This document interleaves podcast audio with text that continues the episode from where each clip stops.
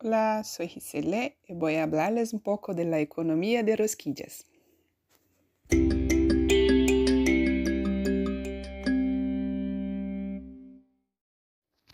La economía de rosquillas es un concepto desarrollado en la Universidad de Oxford por la economista Katie Hawford en su libro Economía Donut.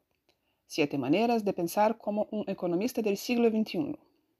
También conocida como economía del donut, este nombre hace referencia a la forma estructural de un donut, en el que el orificio del centro representa los aspectos sociales fundamentales para mantener una buena calidad de vida, mientras que el borde es una analogía con los límites planetarios.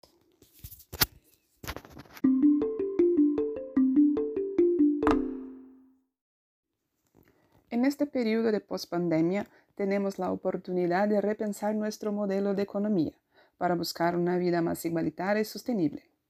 Y como para que este tipo de economía funcione es necesaria la participación de todas las esferas de la sociedad, es muy importante hablar con los jóvenes, los profesores y la sociedad en general, para que se conviertan en agentes de movilización, para que entiendan su papel en esta cadena y podamos lograr una mejor calidad de vida y bienestar y preservar los recursos naturales del planeta.